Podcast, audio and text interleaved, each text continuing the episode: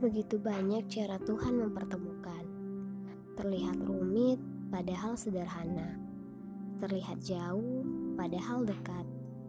Terlihat orang lain, padahal kamu. Iya, kamu. Bagaimana bila seorang penulis jatuh cinta? Aku harus berkata bahwa kamu orang yang beruntung, karena kamu akan terus hidup dalam karyanya.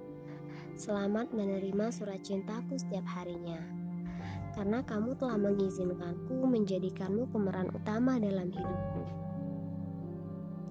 Pergilah tanpa pamit, agar aku tahu kapan aku harus berhenti merasakan sakit. Atau bisakah kamu pergi tanpa luka? Kalau tidak bisa, ya jangan ke mana-mana. Tetaplah di sini. Akan selalu ada yang melangitkan kebaikan untukmu, yaitu aku.